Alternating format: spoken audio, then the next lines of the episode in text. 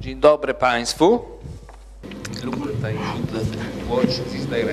Good evening. Wydaje mi się, że powinienem patrzeć w tym kierunku, także przepraszam tych, którzy z tyłu. Bardzo dziękujemy za przybycie na otwarcie Laboratorium Przyszłości. Jak Państwo prawdopodobnie wiedzą, jest to drugi krok już projektu, który rozpoczął się w roku ubiegłym, uh, space, uh, który zajął nam wiele czasu, miejsca, ale i wysiłków, jeżeli chodzi o Zamek Ujazdowski. W tym roku wracamy do tego projektu pod e, innym już e, tematem, także kierujemy się innym przedmiotem badań. E, Pod tytułem tego projektu, czy podtytuł tego projektu brzmi razem osobno.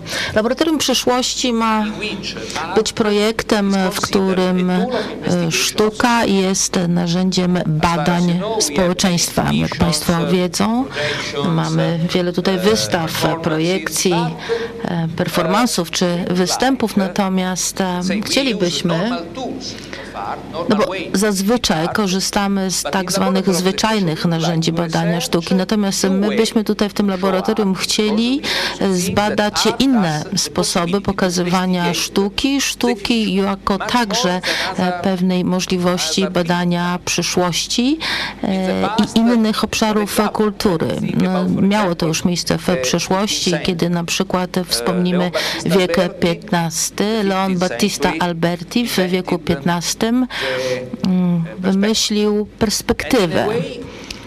Dokonał odkrycia perspektywy. Perspektywy, która de facto była antycypacją właściwie wszystkiego, co potem nastąpiło, jeżeli chodzi o nauki, o racjonalność, to co wówczas wiążemy z Newtonem, Galileuszem, Kartezjuszem czy innymi. Nadal uważamy, że sztuka jest możliwością badania przyszłości.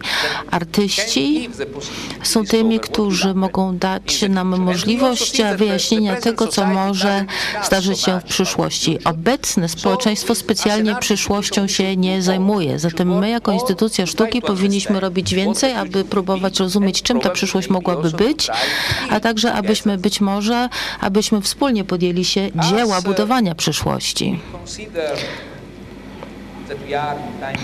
Jako, że znajdujemy się w czasach olbrzymich zmian i z pewnością nikt z nas nie byłby w stanie powiedzieć, czym przyszłość może być, postanowiliśmy stworzyć ten projekt e, bardzo otwarty, nie tylko jeżeli chodzi o treść, ale także jeżeli chodzi o jego model czy strukturę. Zobaczą Państwo dzisiaj, myślę, mm, Edwin Bendyk podjął się Czy raczej e, wpadł na pomysł, aby zaprosić właśnie naszego dzisiejszego gościa, Krystiana Lupa, ale także i Wojtka Ziemilskiego. Czyli to są osoby, które pochodzą z obszaru teatru, bo w chwili obecnej sztuka nie tylko oznacza sztuki wizualne czy plastyczne. Wydaje mi się, że różne domeny sztuki mogą współpracować ze sobą na rzecz badania przyszłości.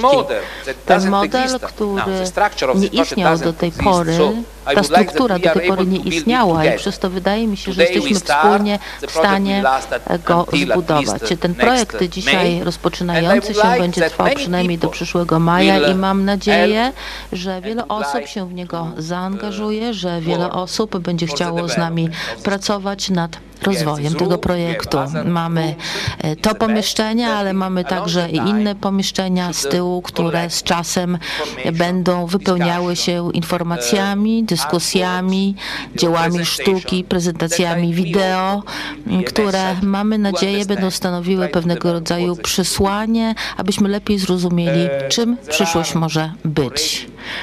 Mamy już e, kilka osób e, zaangażowanych w ten projekt, oprócz Edwina Bendyka, także Mirosław Filipczak, także Kaja Pawełek, e, także Tadeusz Sobolewski, Jakub Szczęsny, który zrealizował w ogóle, zaaranżował tę piękną przestrzeń, którą wykorzystujemy dzisiaj. Małgosia Garapich jako koordynatorka i cały szereg innych osób, także personelu CSW, którzy naprawdę bardzo ciężko pracują, nie tylko nad tym projektem, ale także nad szeregiem innych projektów, które są realizowane. Oprócz tego mamy telewizję i zespół telewizyjny pod egidą Marty Berto. Tutaj mamy na żywo transmisję wszystkiego tego, co się tutaj dzieje. Zatem jest to dostępne właściwie w każdym zakątku świata. Prawdopodobnie już zbyt wiele powiedziałem. Zatem chciałbym oddać teraz głos Edwinowi Bendykowi i Krystianowi Lupie. Dziękuję. Dziękuję Fabio za wprowadzenie. Dobry wieczór Państwu tu obecnym tutaj tej sali i tym widzom wszystkim, którzy uczestniczą w tym spotkaniu za pośrednictwem internetu. To spotkanie jest na bieżąco transmitowane i też nagrywane, także będzie można je obejrzeć później, jeżeli ktoś będzie miał taką ochotę. Po pierwsze muszę się tłumaczyć, nie, nie wiem jak się czuje reżyser przed premierą, ja czuję, jestem bardzo stremowany przed premierą tego cyklu i zwłaszcza, że ta premiera odbywa się z udziałem no, tak znakomitego reżysera, więc, więc podwójny stres. Po pierwsze chciałbym Państwu, Państwa wprowadzić w całość przedsięwzięcia, które będzie wielowątkowe, będzie się składało z spotkań takich jak dzisiaj, ale też z różnych innych. I to, to, co przeczytam Państwu w tej chwili, to jest krótki manifest, który jak stoi u podstaw tego całego projektu. On też wytłumaczy, dlaczego zaczynamy go właśnie spotkaniem z Krystianem Lupą już po premierze Miasta Snu i dlaczego ten tytuł jest dzisiaj taki, jak, jak Państwo widzieli, czyli Przebudzenie na gruzach Państwa Snu. Ale pozwólcie na, na, na ten manifest, na przeczytanie manifestu. Społeczeństwo nie istnieje, oświadczyła przed laty Margaret Thatcher. Latem 2011 roku nieistniejące społeczeństwo, mężczyźni i kobiety z londyńskich dzielnic wyszli na ulicę grabić, palić, niszczyć, miejską infrastrukturę. Płonące sklepy, autobusy, przystanki, niczym sceny z dystopijnej powieści Królestwo nadchodzi Ballarda, obwieszczały katastrofę. Marzenie o Big Society legło w gruzach, zniszczone przez zbuntowany lumpen konsumtariat. Rok później Londyn znowu zaskoczył. Najpierw olimpiada, potem jednak rzecz najważniejsza. Igrzyska paraolimpijskie. Oszałamiające otwarcie z udziałem Stephena Hawkinga, czysty intelekt uwięziony w bezładnym ciele, stał się ikoną nowego społeczeństwa transhumanistycznego, którym wszyscy godni są uznania i szacunku. Potwierdzeniem tej przemiany stała się ceremonia zamknięcia igrzysk, kiedy milionowy tłum Londyńczyków żegnał sportowców. A oficjalna reklama paraolimpiady Meet the Superhumans wzywała do spotkania z nadludźmi. Spektakularne przykłady rozkładu i odrodzenia. Społeczeństwo nie żyje. Niech żyje społeczeństwo. W Grecji, w cieniu rozgrywającej się tragedii, ludzie odgrywają na nowo formy współżycia oparte na kulturze daru i wymiany pozarynkowej. W Polsce młodzi aktawiści uczą się walczyć o wspólną sprawę, rezygnując z partykularnych, antagonistycznych tożsamości, a jeszcze kilka miesięcy wcześniej, 11 listopada 2011 roku, manifest był pisany przed 11 listopada 2012 roku. W imię tych samych tożsamości ścierali się na ulicach. Dynamika rozkładu starych struktur społecznych została dobrze zbadana. Alain Touraine, Richard Sennett, Zygmunt Bauman, Sherry Turkle, Ewa Ilus, Ulrich Beck i wielu innych badaczy opisało, jak różne siły, rosnące nierówności, przemiany środowiska pracy, indywidualizacja, globalne ryzyko i destabilizujący wpływ postępu technicznego rozsadziły istniejące hierarchie i formy życia wspólnotowego oraz sposoby tworzenia i ekspresji tożsamości przez jednostki. Nie, wi nie wiadomo jednak, co na gruzach starego społeczeństwa powstaje, na czym polegają nowe formy wspólnego działania i zbiorowej podmiotowości. Jak powstaje więź społeczna? Czy jesteśmy jeszcze zdolni do trwałych relacji, czy już tylko dostępne są związki oparte na hiperracjonalnej logice transakcji? Ile jest miejsca na gorącą wspólnotę, ile na dobrowolne stowarzyszenia, na ile jesteśmy już robotami, węzłami komutującymi w globalnej, posthumanistycznej cyfrowej sieci, programowani za pomocą coraz bardziej złożonych technicznych interfejsów. Czy przyszłość jest jeszcze możliwa?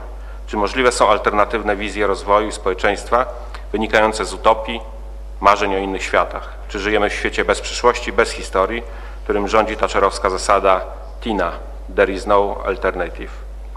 Bycie razem wymaga kompetencji, rytuałów, praktyk, języka, symboli, miejsc, przestrzeni, wizji przyszłości.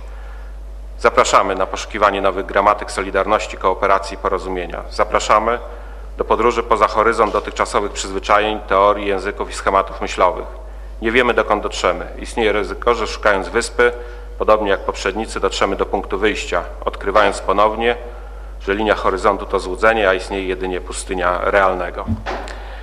No właśnie, także y, dzisiaj rozpoczynamy rozmową o y, projekcie y, niedawno zademonstrowanym y, Krystiana Lupy, Miasto Snu. Towarzyszyć nam cały czas będzie w trakcie tego spotkania y, performance y, czy projekt artystyczny Wojtka Ziemilskiego, którego wprowadził Fabio Cavallucci, który to są mrówki, dwa wydania, projekt A, projekt B. Nie będę go komentował, możecie Państwo, on jest zapętlony, można się przyglądać i starać się odkodować, co, co, co się dzieje. To spotkanie będzie wyglądało w ten sposób, że najpierw e, rozpocznę je rozmową z, z Krystianem Lupą, z naszym gościem, potem zaproszę Państwa, a później jeszcze będziemy mieli okazję już po zakończeniu tej części formalnej, y, dyskusyjnej, jeszcze podyskutować już w y, okolicznościach takich mniej formalnych, przy winie i przekąskach. Także zapraszam Państwa tutaj do pozostania do samego y, końca.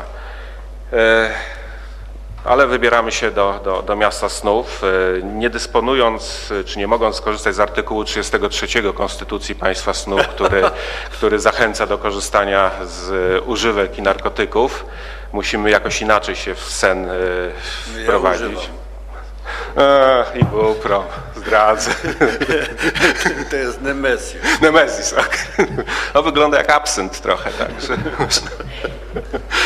E, więc by się przenieść bezboleśnie w, w miejsce akcji, o którym będziemy rozmawiać i nie tylko o tym miejscu, o, o, o problemach, którym będę chciał mm, Krystiana Lupę tutaj wybadać, odpytać.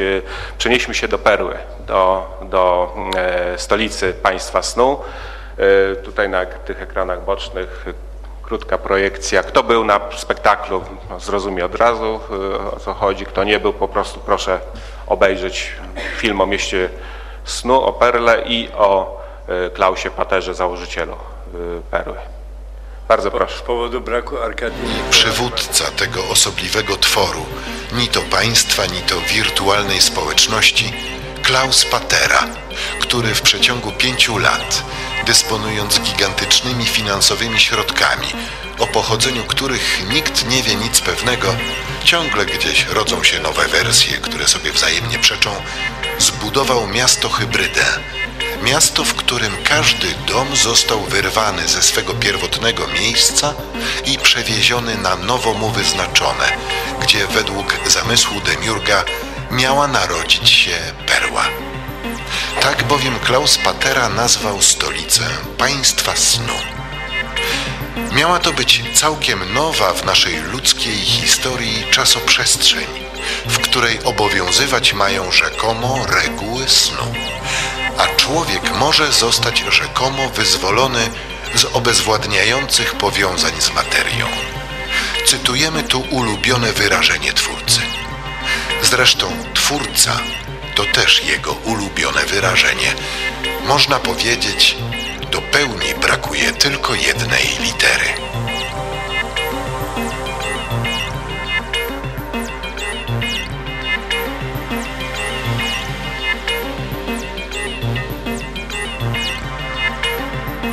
Tak powstaje, a może już powstał, najosobliwszy twór naszego stulecia. Do perły migrują tysiące spragnionych. Czego spragnionych? Nie odpowiem na to pytanie. Czego spodziewa się pan w mieście? Czego? Proszę nie zawracać mi głowy. Czego spodziewa się pan w mieście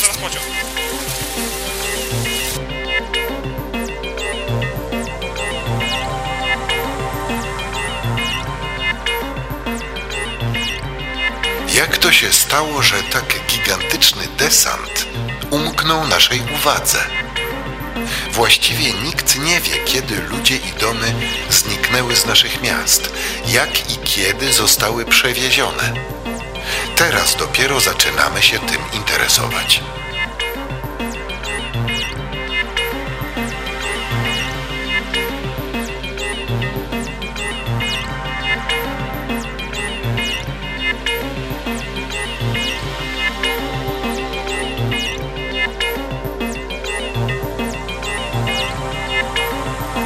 Jak to się stało i kto na to zezwolił? To pytanie zadawaliśmy mieszkańcom tysięcy sąsiednich kamienic, pracownikom magistratów setek miast.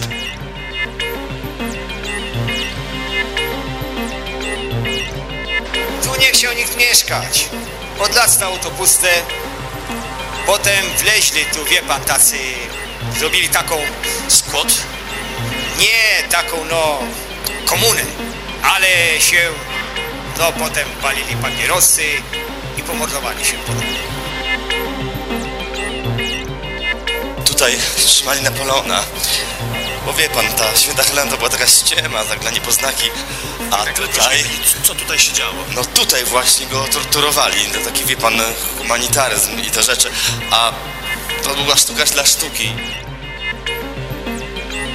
Dziesiątkach zeznań powtarza się, że te rzekomo wyburzone obiekty nie cieszyły się sympatią okolicznych mieszkańców, a wiele z nich miało po prostu złą sławę. Jakie były kryteria wyboru patery? Czy tylko łatwość pozyskania? Nie wydaje się. Wszędzie dookoła pełno obiektów, które znacznie łatwiej zburzyć.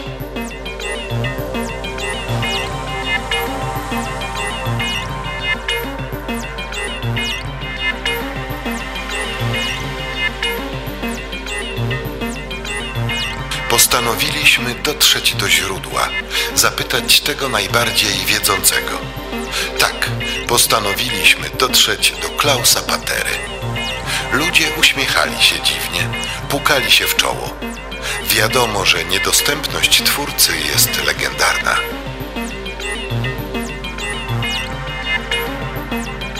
Jakie było nasze zdziwienie, kiedy po dwóch tygodniach beznadziejnych prób i zabiegów twórca sam nas zaprosił.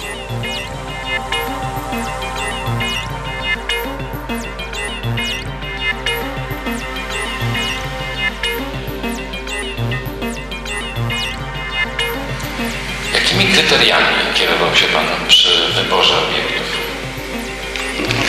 Różne. Na przykład? Jeden dom mi się podoba. Wie pan? Podoba po prostu. Po prostu chyba wiele domów się podoba. Nie. A wcale nie znowu tak wiele. No, coś nam się z początku podoba, wie pana. Potem okazuje się, że to raczej odmiana szpetoty, czy coś w tym guście. Ale żeby podjąć decyzję i przewieźć tysiące kilometrów, ten, a nie inny obiekt, No nie, no, no proszę mówić dom. Po prostu dom. oczywiście, ten, a nie inny dom do Pana ukochanego miasta, to trzeba mieć chyba wyraźny, poważny powód. A w dzieciństwie kochałem piwnicę. Mhm, Siedziałem godzinami w piwnicy i e, rysowałem po ścianach, bo tak po prostu. Także jesteśmy w mieście snu. Zapraszam Panie Krystianie. Witam też e, współtwórców spektaklu, aktorów Sandrę Korzeniak i Jana e, Drewnela. Dzień dobry. Przy okazji quiz, gdzie były te wnętrza, e, kiedy e, szliśmy do Patery e, e, pod koniec, przed spotkaniem z Paterą, czy ktoś wie?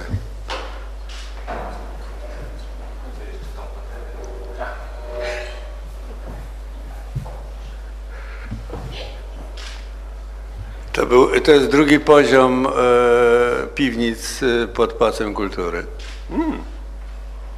Ciekawe, no, czyli mamy do, dodatkowy.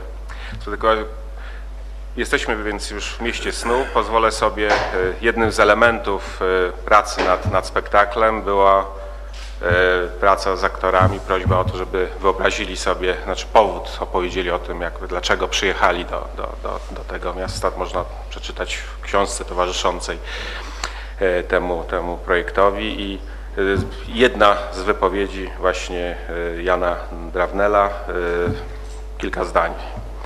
Nie wiem od czego zacząć. Może zacznę od tego, dlaczego chciałem jechać do miasta snu. Kiedy dostałem zaproszenie, pojawił mi się taki obraz tego wszystkiego, że to jest tak jak kiedyś, kiedy ludzie mieszkali w plemionach, nie było wojny, państw, tego wszystkiego. Żyło się na polanie, dookoła gęsty las, wszyscy byli troszkę odizolowani.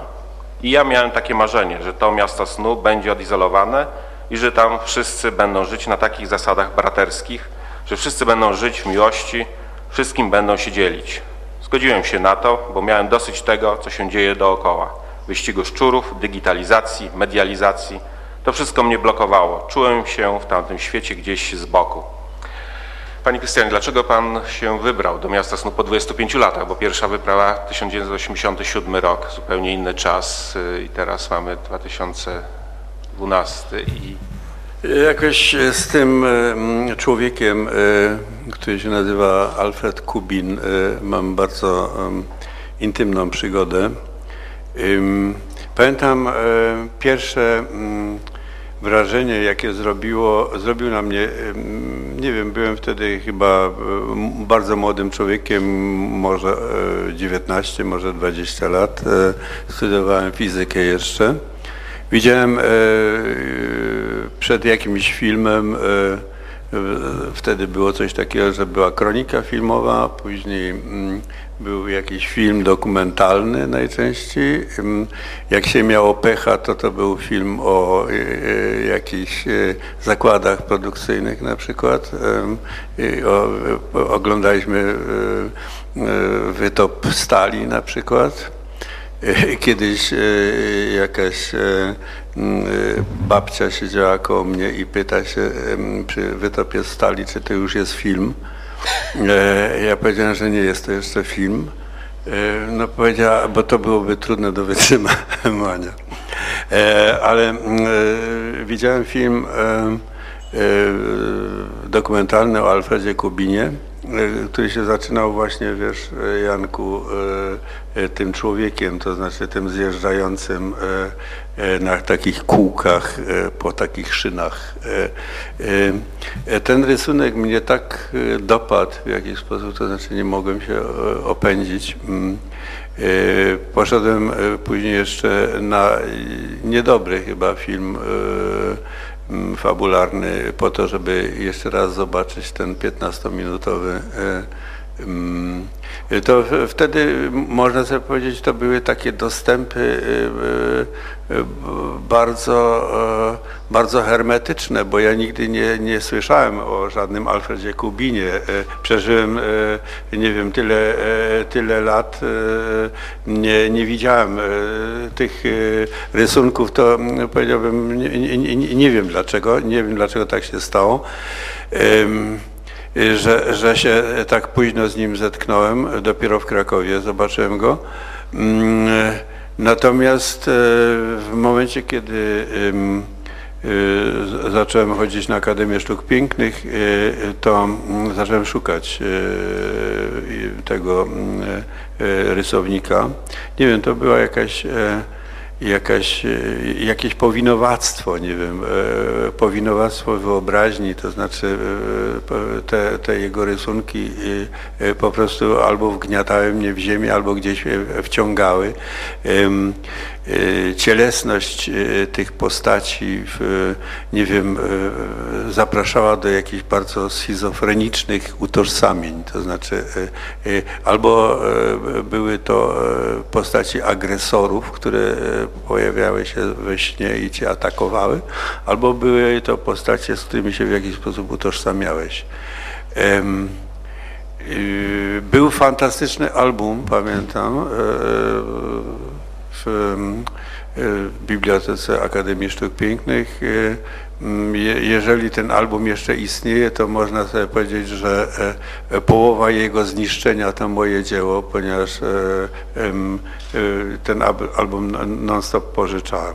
Em, Wiadomo już wtedy było, że mm, jest on autorem książki. Wiadomo nawet było w tym filmie, to było powiedziane chyba, że tę książkę napisał jako autoterapię, to znaczy w pewnym momencie sam się jakby zagonił w e, swoim e, artystycznym e, w jakiejś pasji, czy, czy, czy no, w jakiś ekstremalny sposób po prostu wchodząc w, w, te swoje kreacje. Zawsze to były, powiedziałbym, kreacje mityczne. To nie, nie, nie były tylko dzieła sztuki i nie były tylko dzieła plastyki, tylko to było, jakby powiedzieć, jego życie, które realizował, jakby powiedzieć, jego zmory, które realizował rysując że on w, w pewnym momencie jakby do, dociśnięty do muru w, i, i, dochodząc do jakiejś niemożności już powiedziałbym dalszego rysowania, napisał książkę, w której w jakiś tam sposób od, odsunął od siebie groźbę schizofrenii, choroby. Ta schizofrenia ciągle go nękała Teraz jak e, zaczęliśmy, jest w tej chwili o wiele szerszy dostęp i można e, czytać wiele, powiedziałbym, e, prac i biografii dotyczących Kubina. Rzeczywiście jest coś takiego, że jego życie było dziwnym, dziwnym splotem, takim powiedziałbym symbolicznym, bardzo podobnym w gruncie rzeczy do, do, do tego jego dzieła. Y, no powiedziałbym brakowało tam tylko patery i tego jakby powiedzieć spektakularnego miasta snu. On w takim mieście snu y, powiedziałbym żył, bo y, on sobie coś takiego fundował. Ta książka po raz pierwszy ukazała się w, w, w latach 60. w Polsce, w, po, po, polskie tłumaczenie.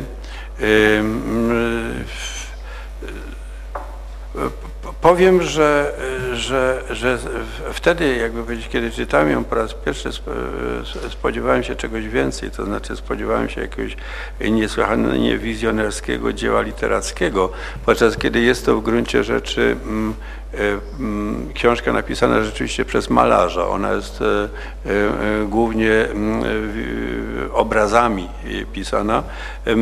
Można sobie powiedzieć, że druga część książki, w której jest apokalipsa tego powolnego staczania się miasta snu, perły w katastrofę, jest trudna do, do wytrzymania, szczerze powiedziawszy, to znaczy chyba, że ktoś ma jakieś takie, prawda, e, e, tendencje sadomasochistyczne, e, że się w tym pławi.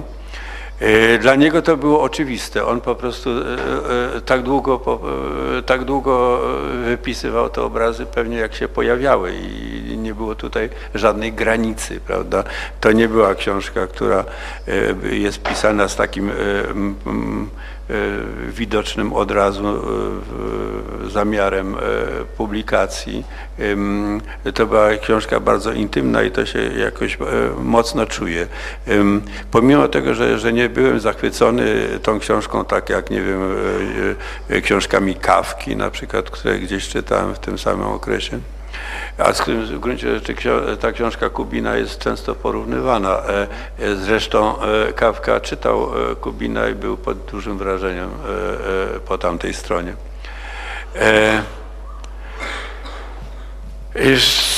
Nagle napadło mnie wówczas, kiedy się fascynowałem ideami Junga, w gruncie rzeczy jego e, takim, prawda, jakby powiedzieć, koronnym motywem, e, e, czyli procesem indywiduacyjnym, który budował na, w oparciu o opus magnum alchemicum. Dużo by tu mówić, w jaki sposób on alchemię wbudowywał w tę swoją strukturę procesu indywiduacji. W każdym razie tak to było, że dawniej, prawda, jakby powiedzieć, ludzie mówiąc o naturze w jakiś tam sposób projektowali się duchowo w, w procesy natury, której jeszcze wtedy, jakby powiedzieć, naukowo nie znali.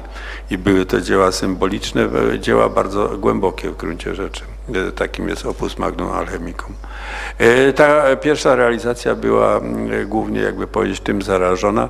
E, tym bardziej, że miałem do tego powody. Wszyscy i, i Jung, i, i jego uczniowie bardzo fascynowali się dziełem Kubina. To dzieło Kubina bardzo często jest wspominane. No i, i tak zrobiliśmy taki, powiedziałbym, tak jak wtedy sobie wspominamy, bo bardzo lubimy wspominać przygodę z tym spektaklem.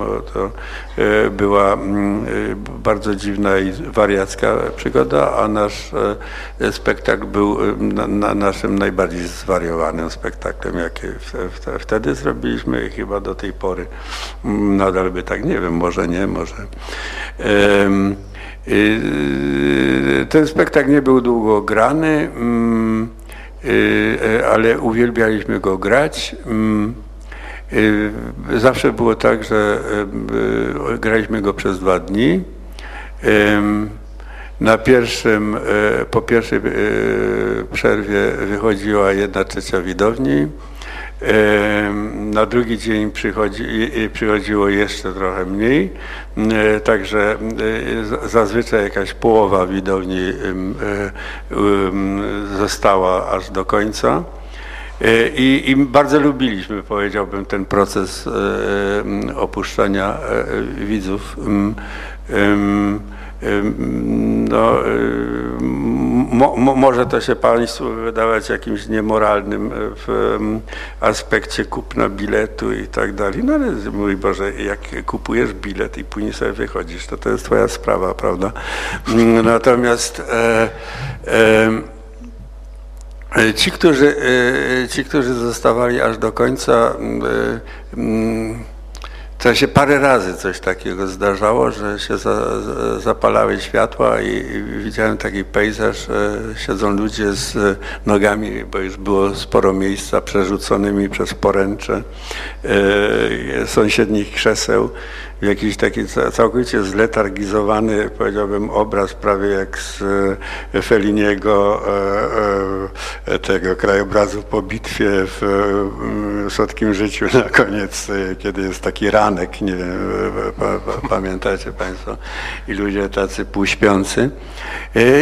Nie chcieli, nie chcieli iść, nie spieszyło się im do domu po tych, to, to nie, nie wiem, kto jest z tych spektaklów, Kraków jest dłuższy.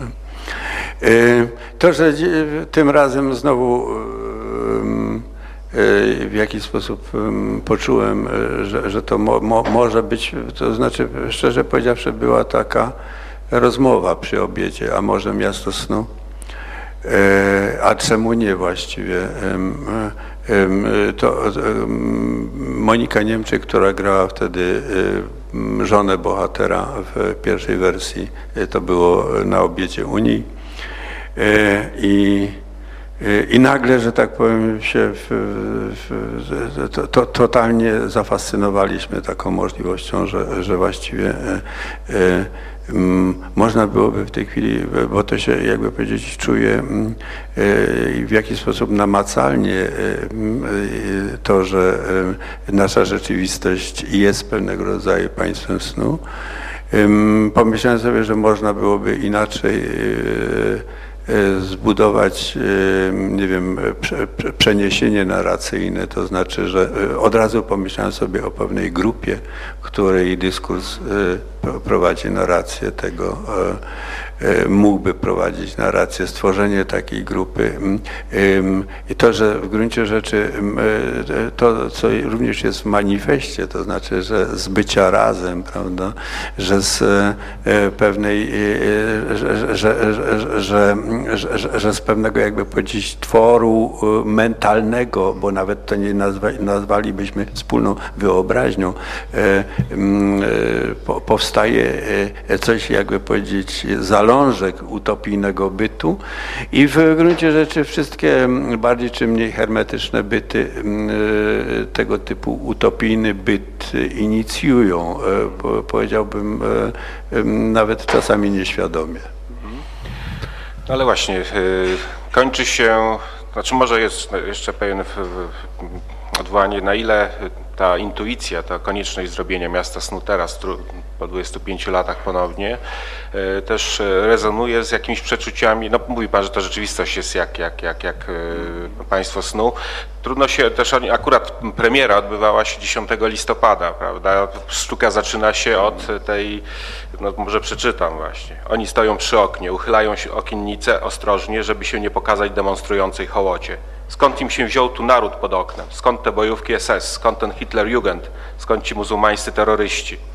No to jest oczywiście przypadek, ta data premiery, ale, ale to poczucie, nie wiem, czy, czy czuje pan też te, nie wiem, czy to tylko chwyt yy, dramatyczny, czy... Szczerze powiem, wow.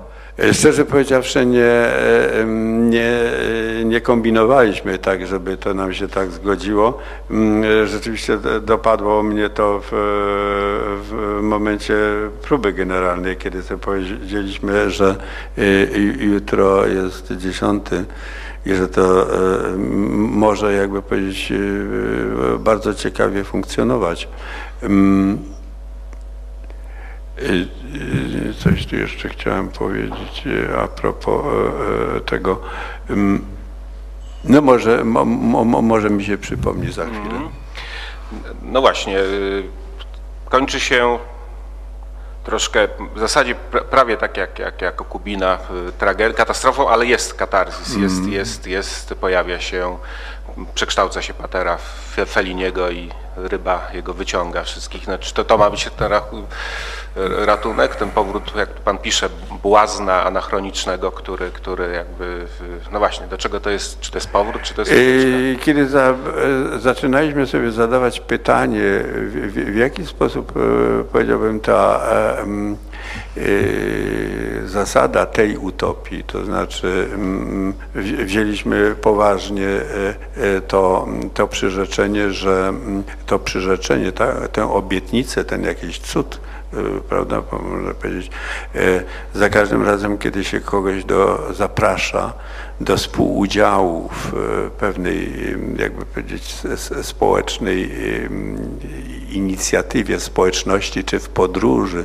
Za każdym razem ten ktoś, kto jest inicjatorem w jakiś sposób prawda, zachęca tych, którzy muszą do tego zostać zaproszeni, czyli muszą stanowić, powiedziałbym, społeczność tej grupy, prawda?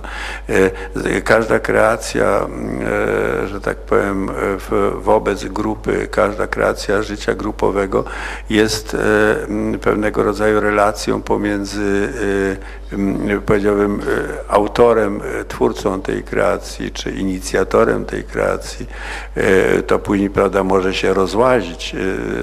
Inicjacja zawsze gdzieś tam jest, prawda, jakby powiedzieć, dziełem indywidualnym. E, e, e, realizacja tego tworu jest dziełem wspólnym, że mm,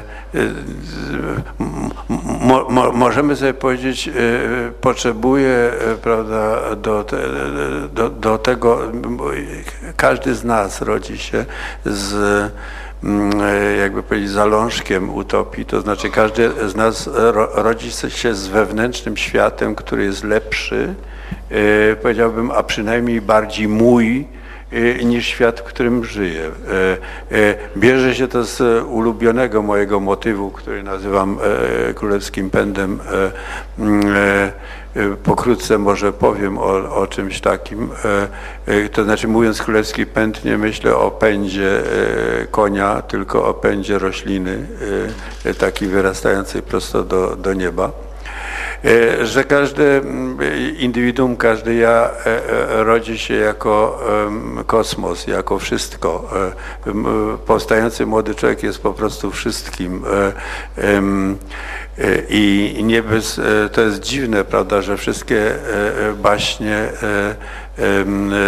wszystkich kultur obiecują dziecku, temu jakby powiedzieć małemu indywiduum, siedmiomilowe buty, cudowne różdżki dające dostęp do przekraczania czasu, przestrzeni, władzy nad śmiercią, nad innymi jakby powiedzieć myślami, ludźmi, ludzi i, i tak dalej, i tak dalej. Jednym słowem, w gruncie rzeczy właśnie obiecują dziecku bos, bo, bo, bo, bo, boski byt.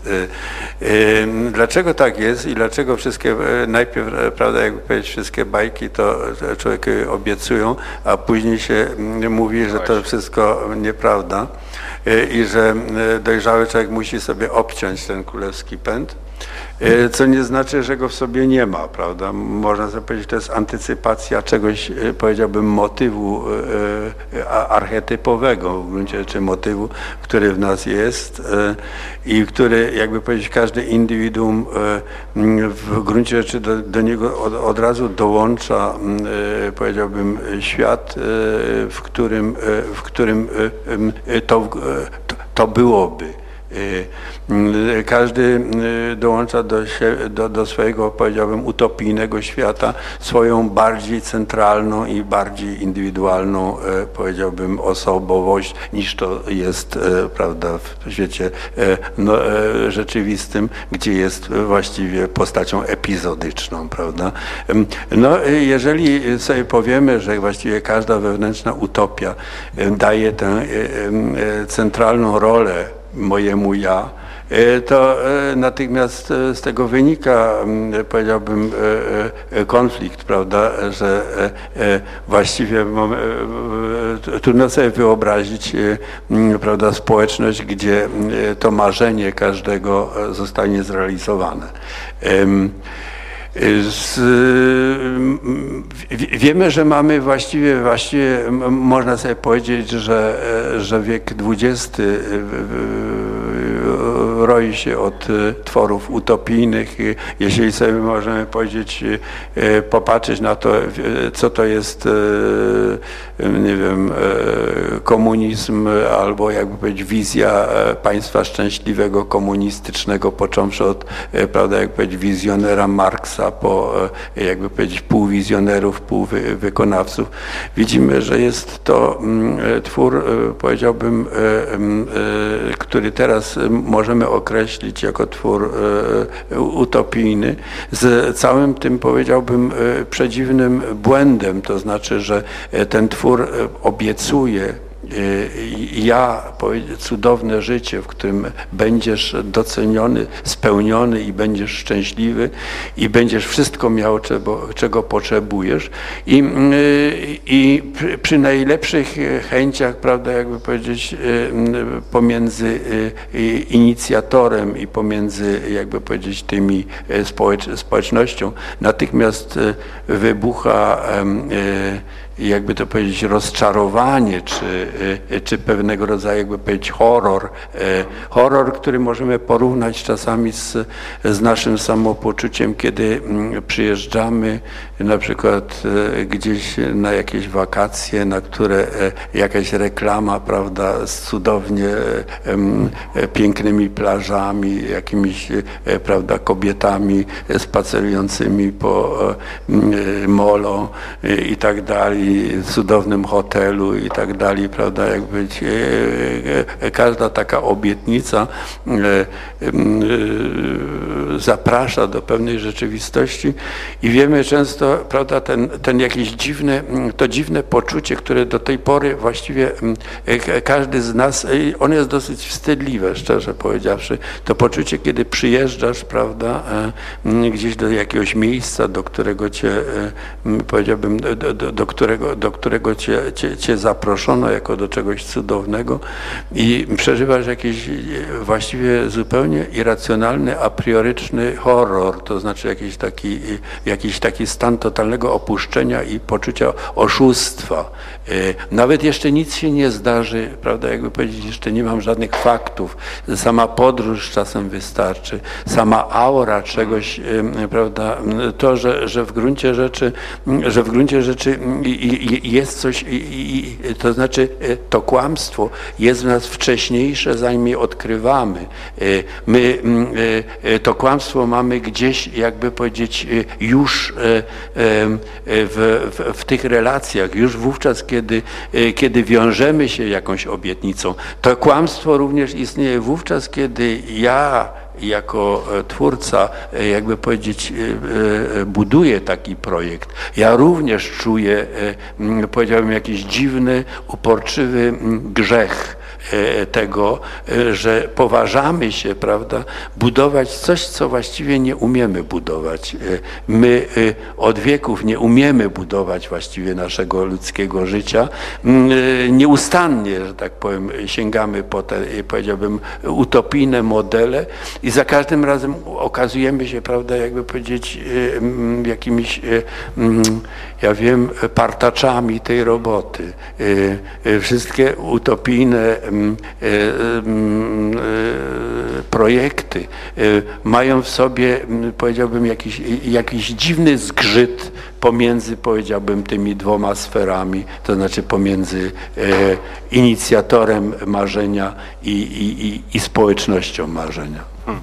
Ale czy co mamy zrezygnować z tych prób? No, ostatnia utopia polegała właśnie na odrzuceniu utopii, na przekonaniu, że się hmm. porzućmy starania, rynek to wszystko przejmie. Tu pan pyta właśnie, czy tym współczesnym paterom przez przypadek nie jest Steve Jobs, prawda? tak. Um, w gruncie rzeczy w tej chwili jestem gotów tak bardziej y, wrócić do tego pytania, które Pan zadał poprzednio, to znaczy to, jakby powiedzieć, dziwne przeistoczenie patery, ten, jakby powiedzieć, jakiś gest błazeński właściwie, bo prawda, działo się to, może trochę powiem najpierw o tym, w jaki sposób próbowaliśmy się do tego przymierzać. E, a później co, e, e, co to dało, jakby powiedzieć, w, w, w efekcie, w, w, momencie, kiedy dokonaliśmy jakiejś podróży, a przynajmniej połowy jakiejś podróży, że mm, Pomyśleliśmy sobie na początku, kiedy zaczęliśmy właśnie fantazjować, tak jak te zapisy fantazji, te, te, te, te E, zapisane tutaj w drugiej części e, tego programu wywiady, one odbywały się naprawdę. To nie są jakieś sfingowane wywiady e, i improwizowaliśmy je, mieliśmy się jakby powiedzieć trochę przygotować, być pod silnym wrażeniem. Każdy z nas miał zadbać, żeby jakoś tak powiedziałbym znaleźć tu miejsce w książce, którego jakoś szczególnie powiedziałbym weźmie, nie, nie tylko w, sensie ulegnięcia, ale w sensie jakichś pewnych, y, y, y, powiedziałbym, takich krytycznych refleksji. E, krytycznych refleksji, które mm, sobie zadaję, to ja, e, to ja tutaj przyjeżdżam, to ja, e, dlaczego, że tak powiem, się tak łatwo zgodziłem? Coś dziwnego jest tutaj u Kubina, dlaczego on tak łatwo się zgadza? Między nim i żoną następuje jakaś bardzo dziwna, powiedziałbym, dosyć kłamliwa sytuacja, w której pospiesznie i pochopnie podejmują, powiedziałbym, tę decyzję, jakby bojąc się, że w pewnym momencie ta decyzja może zostać jakoś sparaliżowana przez poczucie no. realizmu chociażby. Bardzo często nasze marzenie jest uciekinierem z naszej realności e, i bardzo często jesteśmy, prawda, jakby powiedzieć, wrobieni, e, wrobieni przez kogoś, kto umie, jakby powiedzieć, łatwo zagrać na naszym marzeniu. E, mówimy sobie o pewnych politykach, że oni potrafią łatwo zagrać na, na naszych marzeniach, to znaczy mają cholera dostęp do jakichś takich, powiedziałbym, przez nas skrycie, przez nas ukrywanych e, i wstydliwych motywach, na które, e, jakby powiedzieć, oni potrafią zagrać i, i prawda, jakbyśmy w to idziemy, później, że tak powiem, jesteśmy oszukani i tak non-stop się właściwie dzieje do, do końca. Więc wracając do, tej, do, tej, do, tej, do tego tutaj E, do tych naszych przymiarek, do tych jakichś takich wyobrażeń wspólnie budowanych, co to znaczy właściwie dla nas, co to znaczy e, miasto, w którym, jakby powiedzieć, możemy funkcjonować e, w mechanizmach snu, to znaczy, prawda, co znaczy mechanizm snu, to znaczy, że możemy spełniać swoje, jakby powiedzieć, w danym momencie, nie wiem, pragnienia, albo możemy, jakby powiedzieć, dochodzić do pewnych relacji w bardziej swobodny sposób, nieskrępowany naszymi jakimiś, jakimś gorsetem kulturowym czy, czy mm, jakimiś zakazami, prawda? Czy mo, możemy w, w, w, gruncie rzeczy tak jakby, bo, bo my czujemy, że w naszym życiu wiele spełza na niczym, że jest wiele motywów, które nawet z siebie nie potrafimy wyłonić, że jeżeli czujemy w sobie jakieś możliwości na przykład, to w gruncie rzeczy do nich nie dochodzimy, bo się na przykład e, w jakiś sposób ich boimy, prawda? E, e, czujemy, że na przykład to, kim jesteśmy, jest czymś, cały czas mrówka mi chodzi po nodze, nie wiem, czy ja, mrówka mi nie zeszła tutaj z, z tego. E, e, e, że cały czas się właściwie, prawda, możemy sobie powiedzieć, że to, czym jesteśmy, jest kompletnie przypadkowe i że właściwie, właściwie to, czym jesteśmy, to jest tak jakby kamień wzięty jakby z, z kupy możliwości i to jest pierwszy lepszy kamień, który leżał na, na samej górze, a gdyby się udało tak trochę pogrzebać w tej kupie Prawda? To może byśmy doszli do tego, że, że, są, że są w nas ukryte jakieś zupełnie inne rzeczy, e, jakieś inne rzeczy, które, do których jesteśmy bardziej predystonowani.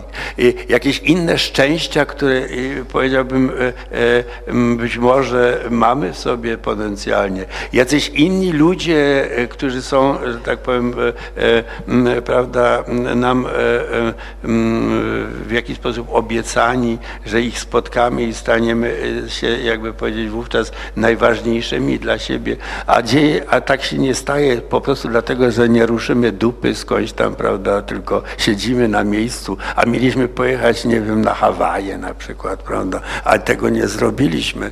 E, jednym słowem, e, jednym słowem e, w gruncie rzeczy wyrok, czy jakby powiedzieć rezultat naszego życia wydaje nam się w jakiś sposób E, niedołężny. Niedołężny jest rezultat naszego życia i tak samo możemy sobie powiedzieć, że rezultat społeczeństw e, i rezultat państwa jest również niedołężny.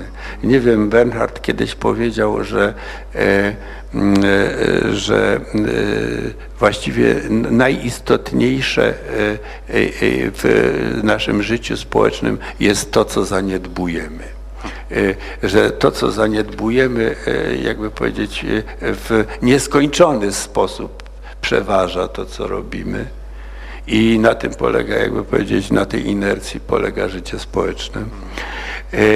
Więc, więc mówimy sobie, czy jesteśmy w stanie, jakby powiedzieć, z naszej wyobraźni, powiedziałbym, wykrzesać w tej chwili z tego, jakby powiedzieć, naszego poczucia paranoi, pewnego rodzaju wyobrażenie, co to znaczy na przykład właśnie to poszerzenie, to życie snem, czy to jest również życie tylko tym, co pragnę, czy też jest to życie tym, czego się boję, prawda?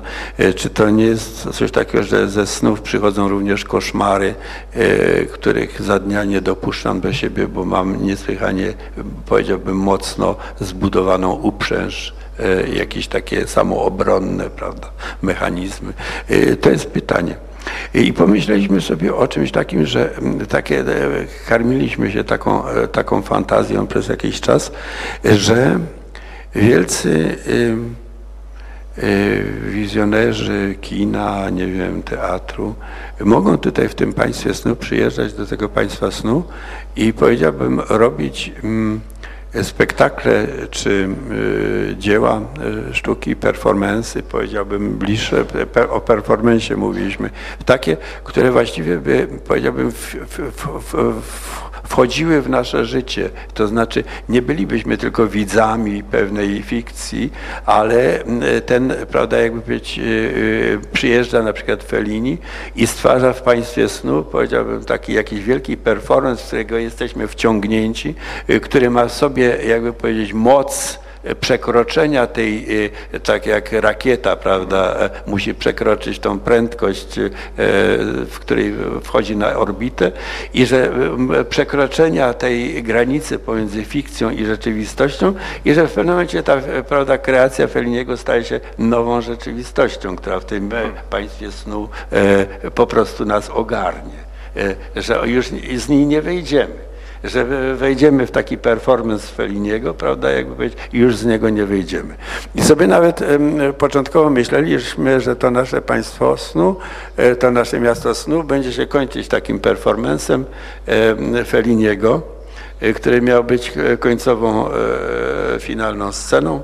E, z którego jakby powiedzieć już nie wyjdziemy. Ale na to zabrakło nam e, talentu, że tak powiem i e, nie potrafiliśmy zrobić takiego performance'u Feliniego.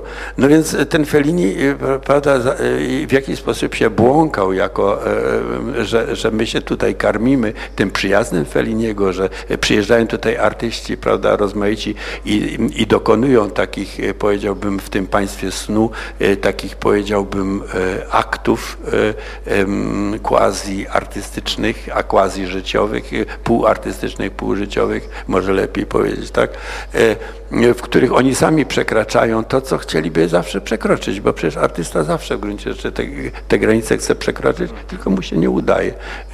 Możemy sobie powiedzieć, bo, bo w naszej rzeczywistości brak mu na to talentu. Cały czas, prawda, dzieło, akt artystyczny to jest, powiedziałbym, robienie czegoś ponad swoje możliwości. E, e, czy jesteś w stanie zrobić coś ponad swoje możliwości, prawda? E, I w gruncie rzeczy to jest w, w, w jakiś sposób, prawda, zapędzanie siebie i innych do takiego aktu kreacji, w, których, w którym na, na jakąś chwilę będzie ten dostęp do czegoś, jakby powiedzieć, w nas samych, czy w innych, czy w relacji jakiejś magicznej, spirytystycznej z innymi ludźmi, do tego, żebyśmy to przekroczyli.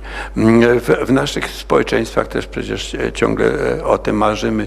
E, społeczności, powiedziałbym, quasi-religijne, nie, nie, nie wiem, społeczności młodzieżowe,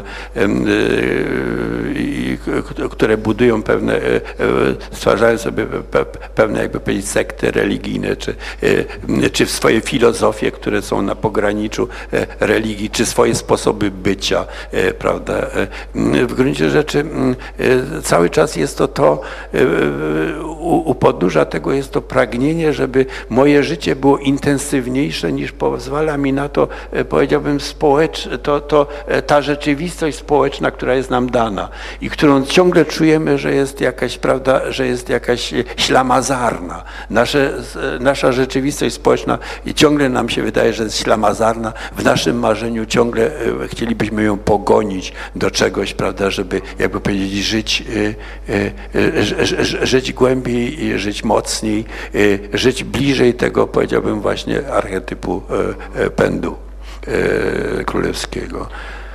Już za chwilę zaproszę Państwa. Ostatnie pytanie z mojej strony. To właśnie w zasadzie no ten spektakl też jest, jest no, próbuje tą katastrofę jeszcze czymś zakończyć, e, no jakiś ten katarzys, ale de facto też jest, zresztą pan sam przyznaje w wywiadzie, który pan e, dla polityki udzielił, mm -hmm. jest, jest wyrazem pewnego fiaska, też pewnego zmiany właśnie tego, że odkrycia, że Tutaj przeczytam może ten fragment. Pytanie jest takie. Pokazuje Pan upadek utopii wpływu ludzi, kultury na rzeczywistość, ale na naszych oczach upada chyba jeszcze jedna utopia zespołu teatralnego jako wspólnoty. Mm. I Pan odpowiada, że tak, ten fenomen powoli wygasa. Mi się wydaje, że niesłusznie, że to wielka szkoda. Wszyscy teraz myślą o teatrze jako sprawnie działającym przedsiębiorstwie, o marketingu, sukcesach sprzedaży.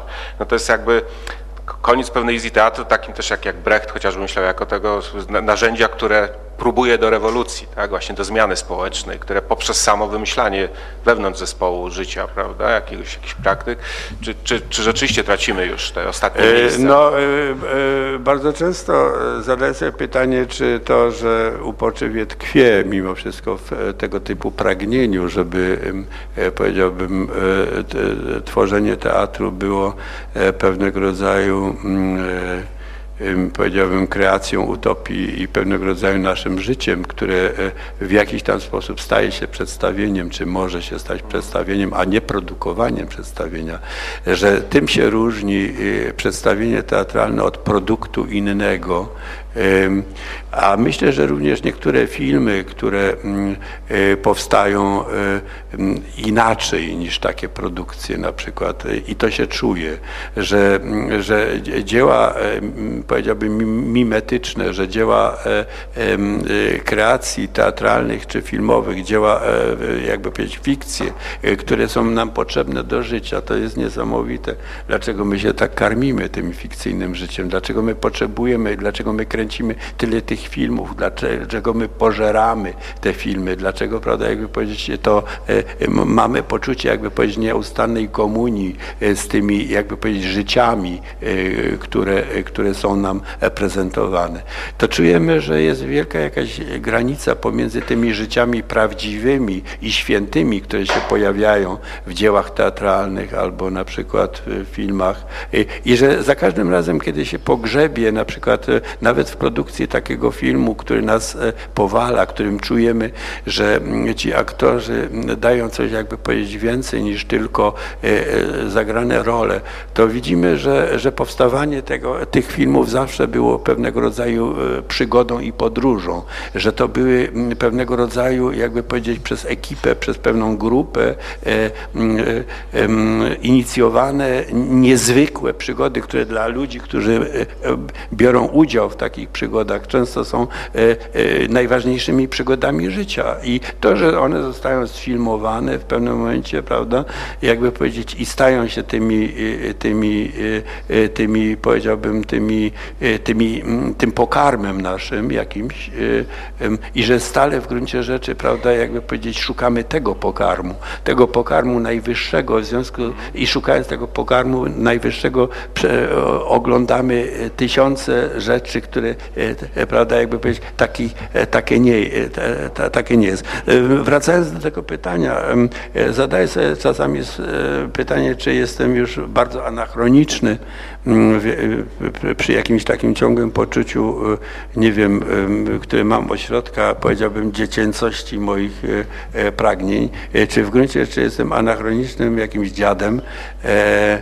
który nie ma poczucia rzeczywistości i ciągle, jakby powiedzieć, marzy o tego typu teatrze, o którym mówimy. Mm, natomiast dziwna sprawa, bo e, e, mm, bardzo często jest coś takiego, że ta rzeczywistość powstających w tej chwili spektakli i, i, i pewne pewnego rodzaju odpowiedzi, które tam zastaje, że się jakby powiedzieć, że chodzi być może o coś innego.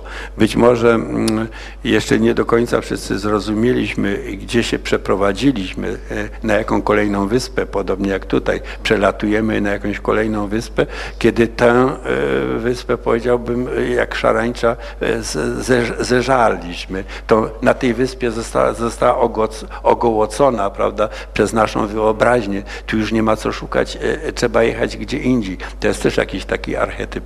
Natomiast wracając do podobnego, do podobnej sytuacji, mm, to jest niesamowite, że w, kiedy mm, w, w kolejnych rocznikach, które zresztą są coraz bardziej jakieś otwarte na bardzo tajemny, powiedziałbym, wewnętrzny monolog, który człowieku jest, w kolejnych rocznikach młodych adeptów e, e, E, sztuki aktorskiej, mm, ja e, napotykam na coraz silniejsze pragnienie w gruncie rzeczy w tym młodym pokoleniu tego typu życia i, i tego typu aktu twórczego, e, które później nie zostaje spełnione, kiedy przychodzą do teatrów i jakby powiedzieć do tej rzeczywistości, gdzie się naprawdę profesjonalnie robi ten teatr, prawda? Znaczy, a w gruncie rzeczy mm, można sobie powiedzieć, y, y, czasami myślę, że profesjonalista to jest majster od złych y, przedstawień po prostu. Dziękuję bardzo. Zapraszam Państwa, tylko proszę zgłaszać się, bo musimy przynieść mikrofon ze względu na tłumaczenie, bo jest równolegle tłumaczone na, na angielski dla naszych widzów w internecie też. Kto chciałby skomentować, zadać pytanie mistrzowi? Bardzo proszę. Tu z tej strony też. Zapraszam. Proszę się też o przedstawianie, bo Mikołaj Będek. E, Ja mam pytanie bardziej odnośnie chyba manifestu i, i tego, co było powiedziane o, o Anglii. Trochę to w Anglii już się stało, a teraz w najnowszym tygodniku powszechnym jest taki artykuł Marczewskiego, który, w którym on łączy e, konsumpcjonizm z, z przemocą, czyli z tym 11 listopada chociażby. I myślę tak, y, czy, czy pan, y, co pan myśli na ten, y, jeszcze odno, odnosząc się też do, do Nadchodzi Ba- Ballarda, czy to jakoś u nas może też e, eskalować i, i być z tego coś, coś więcej? Marczewski mówi że na przykład o ruchu narodowym, że, który tam e, ma jakąś wizję, że tych, tych patriotów, którzy tam się lubią po, po, po, ponawalać, jakoś e, może w, takich żołnierzy bardziej przerobi, ale e, Marczewski w to wątpi, ale tak sobie myślę, może, może jednak tak jak w Królestwo nadchodzi, oni, e, tam ci, ci ludzie w, w koszulkach z, z krzyżem świętego Jerzego, może oni też staną się takimi żołnierzami i, i, i czy coś z tego może być nieprzyjemnego. Do pana chyba to pytanie. nie, do pana. Do autora To nie, to, manifestu. to, to, to, to, Tu chyba, chyba do pana. Jeśli do mnie, to, to musi mi pan, ponieważ akurat e, tych dzieł, e, na które się pan powołuje, nie, nie znam, więc musiałbym się troszeczkę e, e, tych, tych e, e, ani tego manifestu, ani tego, tego, tego przykładu, o którym pan mówi. manifest tutaj był na początku. No tak, no tak, no tak. E, e, chodzi pan o ten artykuł Marczewskiego, tak? Proszę? O artykuł panu, Tak, tak, który...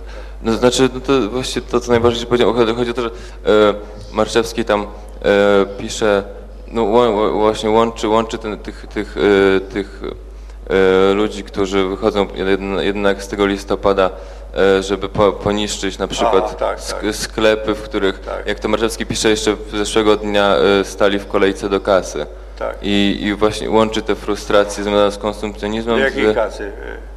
Jeszcze raz? Do jakiej kasy? No kasy w sklepie. Niszczą, niszczą, niszczą e, sklepy, w których A, e, a, kupowali, tak, tak? tak, tak, tak. Że Takie, to jest tak, tak zobrazowanie tylko. E, I, e, no ich, e, ale Królestwo nadchodzi to, pan, wie pan, pan o co? O, o Ballarda. No. Tak, to, to, to, pan, to pan Tak, już- tak, tak, tak. No właśnie, więc o, o, chodzi mi o odniesienie do tego Królestwa nadchodzi. Czy, tam, czy, czy, tam, czy to u nas tak y, y, może eskalować? Czy, czy z tego zrobić coś, coś większego, jakaś, jakaś, jakaś, ja- jakaś całość jak tam? Jakoś to zapanować, bo to na razie to tylko takie jednodniowe u nas zazwyczaj, prawda, co roku. Ale czy to jakaś, jakiś konstrukt z tego może? Y, Cały czas y, w momencie, kiedy jesteśmy świadkami, powiedziałbym, tego typu y, ym, ym, jakichś, y, zdarzeń, które, które, które bu- bu- budują w nas, y, jakby powiedzieć, natychmiast y, pewnego rodzaju wizję. To znaczy, prawda, to jest bardzo charakterystyczne. Ja myślę, że to jest bardzo, bardzo istotne i to na przykład chcieliśmy również w Mieście Snu po, po, pokazać, kie- kiedy oglądamy przez okno tych, y, tych manifestujących, prawda, że jakby powiedzieć, co, one, co oni w nas ewokują, jaki, jaki rodzaj, powiedziałbym, intuicji, y, ponieważ w gruncie rzeczy nie wiemy, prawda, Y, możemy sobie powiedzieć, możemy snuć y, najrozmaitsze hipotezy, które w pewnym momencie okażą się błędne, e, prawda, natomiast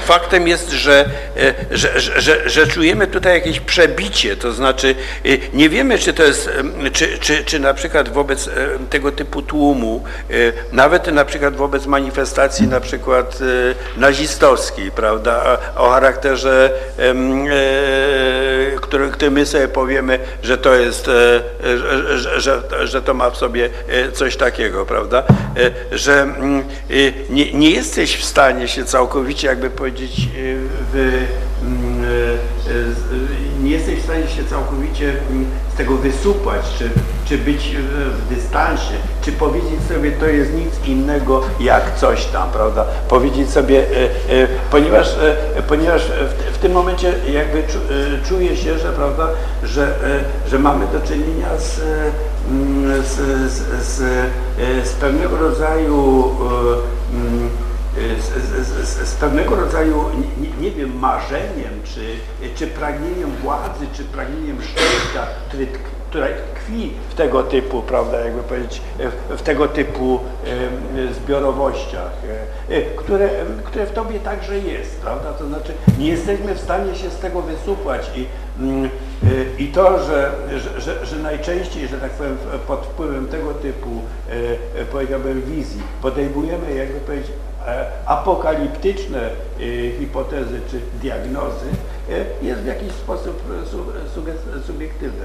E, Tyle, e, tyle mogę w tej chwili odp- odpowiedzieć na to pytanie. Nie wiem, czy, czy odpowiedziałem e, em, e, precyzyjnie. Tak, dużo do myślenia. Dziękuję bardzo. Zapraszam bardzo. Jeszcze tutaj pan, bardzo proszę. Czy ktoś z tej strony się zgłasza ewentualnie? Nie, dobrze. Zgłaszam się Jacek Ziemiecki. Kwestia taka. E, Globalne miasto snów to jest 7 miliardów szczęśliwości. Praktycznie rzecz biorąc, e, nie może istnieć. Globalne miasto snów niestety nie może istnieć. Chociażby ze względu na Brejgowika, który był zwolennikiem szczęśliwości mniejszej niż 7 miliardów. I różne inne grupy, e, nieuznawanie państw, sąsiadów itd. Natomiast e, własne, prywatne miasto snów istnieje wszędzie i istnieje na miarę 7, 7 miliardów. To jest zasada właśnie, razem czy osobno. E, Niewątpliwie wielkim osiągnięciem miasta snów byłoby wcielanie idei Jana Pawła II o tym, że nie powinno być wojen na świecie, każdy konflikt rozwiązywany powinien być przez dialog, e, e, ale konstruktywny i e, e, z każdym e, papież mógł się spotkać z muzułmaninem, Żydem i innym. To dziękuję. Dziękuję bardzo. Tu obok, tak, pan. Drugą, w drugą stronę poproszę. Ja się zgadzam z tym, co Pan mówi. Y, My, myślę, że, że, że po prostu y, nie, nie potrzeba tu mojej odpowiedzi, ponieważ y, jest to raczej prawda, pewnego rodzaju refleksja niż pytanie. Bardzo proszę. E, Maciej Drągowski. E, W swoim spektaklu e, do opisu sytuacji w mieście snu użył Pan między innymi takiego modelu alchemicznego właśnie, jak sam Pan wspominał. E, Zresztą była taka jedna scena, podczas której e, jedna z postaci, Janek, e, wymieniał e, trzy etapy rozwoju.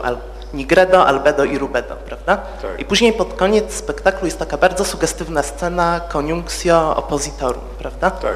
E, pojawia się postać Słońca i Księżyca, para król i królowa i w alchemii Coniunctio Oppositorum oznacza mniej więcej koniec Nigredo, prawda? O ile dobrze Tak. rozumiem. Czyli koniec tego etapu niewiedzy, etapu zaciemnienia w pewnym Tak. sensie, etapu chaosu i melancholii. Powstaje chciałbym- wówczas e, w gruncie rzeczy e, e, rezultat tego alchemicznego procesu, czyli kamień filozoficzny, czy postać prawda, androgeniczna, która jakby powiedzieć łączy w sobie kobietę i mężczyznę. Powstaje ten rodzaj jakby powiedzieć wyższego bytu, który w sobie zainicjowałeś. Właśnie chciałbym zapytać o znaczenie tej sceny pod koniec tego spektaklu. To znaczy, mm, zakończenie tego etapu Nigredo, czym właściwie jest w tym przypadku, w przypadku miasta snu? Czy jest to jakby pierwszy krok do wyzwolenia, czy może do kolejnej utopii, tym razem takiej bardziej duchowej? Y, Powiedziałbym, ten, y, ten wątek alchemiczny, on nam tak, y, po, po, powiedziałbym, wybuchnął. My go już trochę nie chcieliśmy, bo już mieliśmy to, w, jakby powiedzieć, w przeszłości. Nie chciałem wracać do tego ym, jungowskiego modelu. Y, Natomiast powiedziałbym, wniósł go Janek. To znaczy, tak było w rzeczywistości, że Janek w swoich pierwszych improwizacjach wniósł te, em, y, tę fascynację, em, y, o- studiował. Nawet mamy taką jedną improwizację, w której jest jego jakiś opętany wykład na temat, na temat tego e, opus magnum alemicum. Po- Pomyślałem sobie, że, że to dobrze, że, że, że jest to jakby powiedzieć pogrobowiec trochę poprzedniego jakiegoś, e, e, poprzedniego naszego modelu, że on tutaj e, oczywiście się też jakby powiedzieć tego chwyta, że, to, że on pojawiając się tu jako marzyciel, poeta e, w tym mieście snu ze swoimi em, w gruncie rzeczy jakimiś nie, nie- niezwykle bujnymi ideami, którymi do tego stopnia, którymi, którymi do tego stopnia tyranizuje swoją prawda, partnerkę przed wyjazdem, czyli Siri, e, że ona w pewnym momencie decyduje się, e, że, że, że kiedy tutaj przyjeżdżają, muszą być osobno, żeby, żeby uzyskać chociaż odrobinę wolności i jakby powiedzieć, dokonać drogi, e, którą, którą być może, e, którą być może mm, z powrotem do niego wróci. E, I w gruncie rzeczy nagle okazuje się, że, ta, e, że ten motyw pomiędzy tymi dwoma postaciami e, staje się jakimś tam, prawda, jakby powiedzieć, dalekim echem e, e, tego, tego opus Magnum Alemicum Ym, i że w gruncie rzeczy w wyobraźniach Janka, jakby powiedzieć, coraz bardziej swój związek z, z Iri w ten sposób widzi że oni właściwie w tym momencie, kiedy się rozłączyli, szukają w jakiś sposób osobno,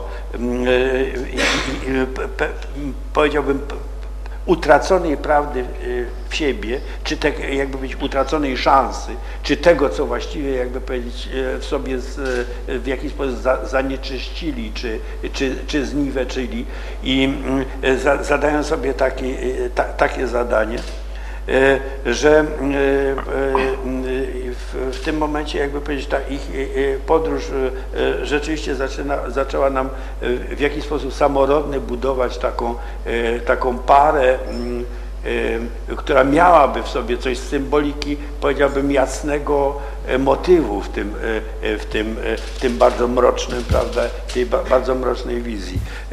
Ja się na przykład nie zgadzam z, z, z do, dosyć e, powszechnym, na przykład powszechną opinią, e, że jest to spektakl nihilistyczny i że e, jest to spektakl totalnie negatywny, który ukazuje bezsens, niezależnie od tego, czy, czy są to opinie pozytywne czy negatywne, ponieważ e, wydaje mi się, że e, e, nie, nie jest brane tu pod uwagę jedno, że w gruncie rzeczy mamy do czynienia z pewnego rodzaju powiedziałbym, nie rzeczywistą, realną i jakby powiedzieć krytycznie e, e, budowaną wi- wizją rzeczywistości naszej, tylko z, z kreacją, e, czy to senną, czy fantastyczną, czy mityczną, w której, że tak powiem, mamy, że tak powiem, przeżyć katastrofę. Podobnie jak w Kubinie, prawda? Czy możemy sobie powiedzieć, że Kubin to jest, jakby powiedzieć, książka, prawda, totalnie nihilistyczna, która mówi o bezsensie wszystkiego? Nie. Jest to, powiedziałbym, e, fantazja o katastrofie, która jest człowiekowi potrzebna. E, Można sobie powiedzieć, e, ta katastrofa jest konieczna do przeżycia i robimy to sami we swoich snach. To znaczy fundujemy sobie te katastrofy po to, żeby, powiedziałbym, w życiu ich nie przeżywać. Jest to kreacja mityczna mm, i e, e, jakby powiedzieć, na, na, marginesie tego pana pytania właściwie mówię o tym, że również, prawda, jakby powiedzieć, ta para tutaj nasza staje się, to znaczy próbujemy w, w rozmowie na przykład Siri z niebieskookim, to znaczy, jakby powiedzieć, tym, tym, tym takim, powiedziałbym, nagle tutaj znalezionym, powiedziałbym, tutaj znalezionym pierwiastkiem, nie tym, który przywie, przywieźliśmy w postaci naszego związku, tylko tutaj znalezionym pierwiastkiem, że zadajemy sobie py, pytanie, czy umiemy sformułować to, cośmy naprawdę, jakby powiedzieć, pogubili i dlaczego mamy poczucie, że i to poczucie ma w sobie każda, że tak powiem, jednostka, że jest zalążkiem lepszego projektu, że każdy z nas jest zalążkiem lepszego projektu i że mamy poczucie, że społeczeństwa nasze są zalążkiem lepszego projektu, który do jasnej cholery się nie udaje, prawda? I czy jesteśmy w stanie do, przeprowadzić sobie taki, jakby powiedzieć, seans e, e, psychiatryczny, w którym sobie e, zmuszę się sta, stawiać sobie siebie pod, sta, pod ścianę i powiem, na czym to polega, prawda? I czy to, jakby powiedzieć, jest do uzyskania. Mm, I wydaje mi się, że to, że człowiek nie traci tej wiary, że jest to do uzyskania, powoduje to, to że nadal żyje i tworzy, niezależnie w jak paranoicznych warunkach, prawda? I, i w istnienie tej pary, jakby powiedzieć, tego symbolu aremicznego jest dla mnie e, jakby 嗯。Bardzo silnym, podstawowym, powiedziałbym, pozytywnym, czy jakby powiedzieć, e, to, to, to jest moje e, wyznanie wiary, że nie, nie, jesteśmy w bezsensie. To nie jest opowieść o bezsensie, to jest fantazja. Fan, miasto snu jest fantazją, to nie jest opowieścią, że tak powiem, o naszej rzeczywistości. To jest fantazją, która, w, w którą nasza rzeczywistość się wlewa, zostaje w, poprzez to, że jest fantazją, poddana, jakby powiedzieć, wielu modyfikacjom, prawda? I przez to, że jest poddana wielu modyfikacjom, w gruncie rzeczy możemy, możemy być może trafić na inny na inne drogi w naszych refleksjach. E, właśnie mam jeszcze taki komentarz w kontekście nihilizmu tego spektaklu. Moim zdaniem e, do momentu wybuchu, do momentu tej transformacji i tak.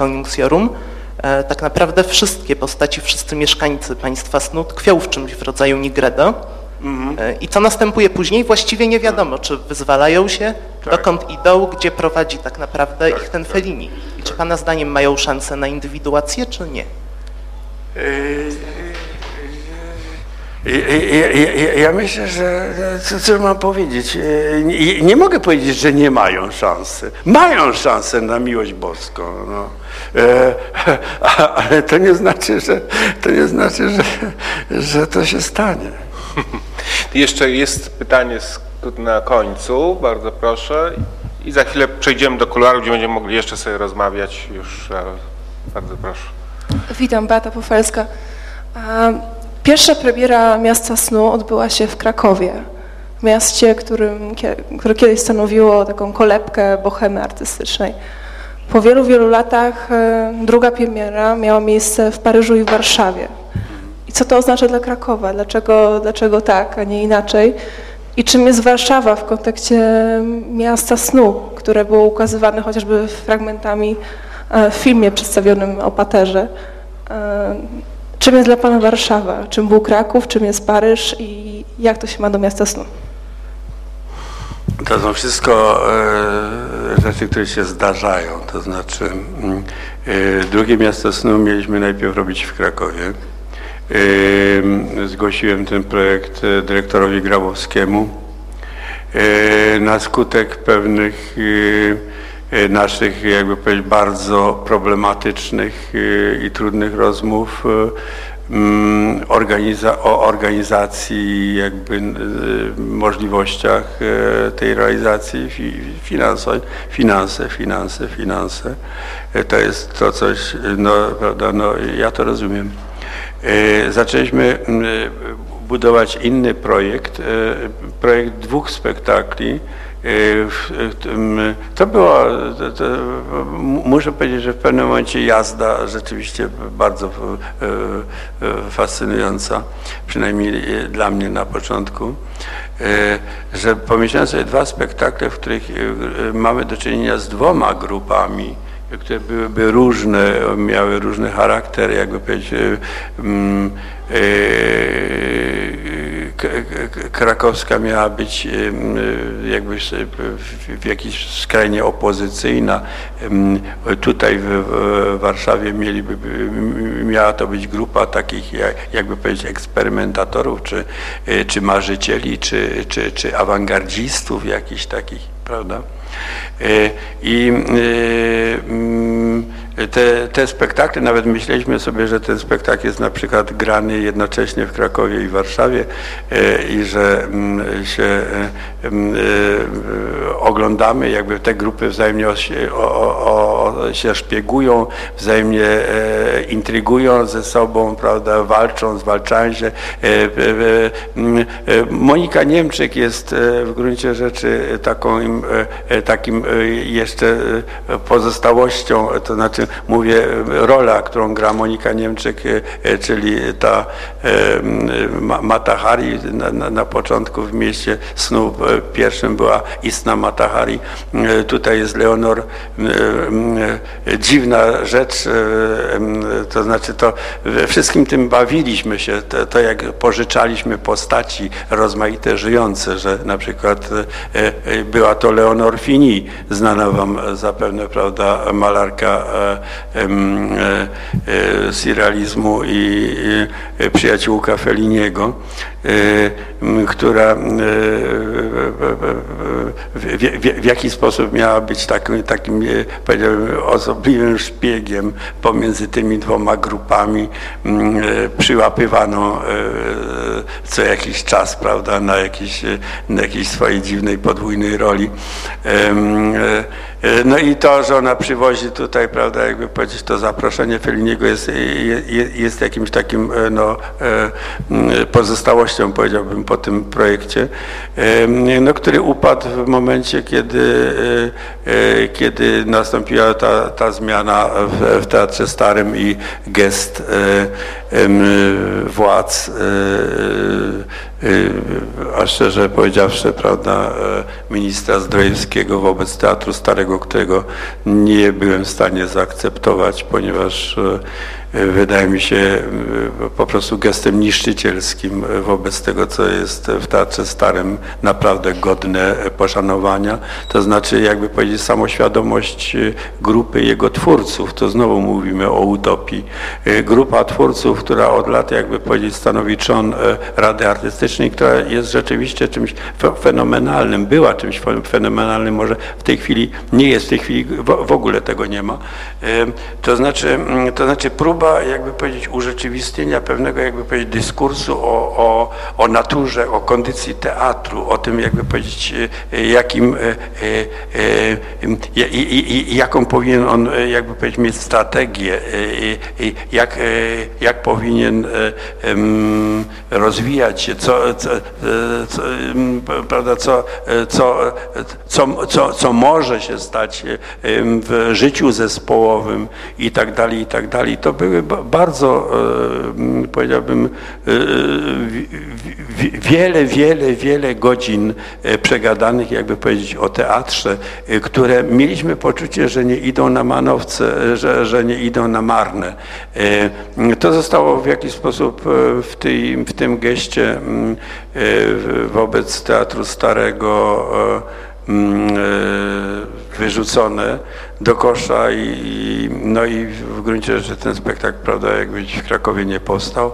E, spektakl w Warszawie dalej się rozwijał. To, to tak jakby, nie wiem, bliźniak umarł w pewnym momencie i w związku z tym ten, to drugie ciało już się rozwijało inaczej, prawda. To już w, w, nawet gdyby, gdyby w pewnym momencie chciało się wrócić do tych dwóch spektakli, to już to było niemożliwe.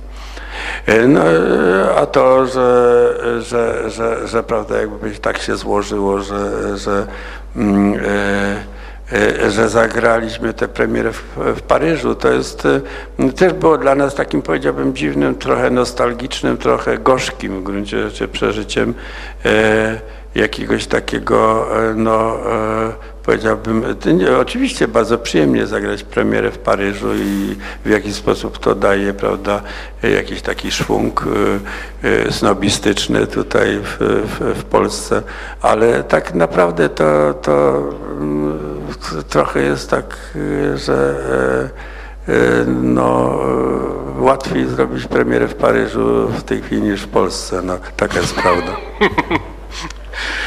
Więc y, zanim podziękuję y, mistrzowi państwu i za, zaproszę to jeszcze krótka informacja, jak my dzisiaj zaczęliśmy ten cykl, zapraszam już na kolejne jego odsłony, za tydzień 6 będzie y, gospodarzem Tadeusz Sobolewski, będzie projekcja filmu Abendland i dyskusja z profesorem Janem Hartmanem. 20 grudnia z kolei y, ja będę miał przyjemność ponownie tutaj pełnić rolę gospodarza. Rozmowa będzie ze Sławomirem Magalą o walkach klasowych w postkapitalizmie. Także już w tej chwili Państwa zapraszam. Zaglądajcie też Państwo na stronę internetową, gdzie będą bieżące informacje. Też będziemy starać się docierać, a wszystko jest nagrywane, także myślę, że to spotkanie jeszcze warto tutaj to, co usłyszeliśmy, posłuchać jeszcze kilka razy, bo, bo to jednak bardzo gęsta gęste wypowiedzi, niezwykle ciekawe. Dziękuję serdecznie Panie Krystianie, dziękuję Państwu, Państwu przed e, komputerami i proszę zostać tutaj, bo będziemy w tym miejscu e, dalej się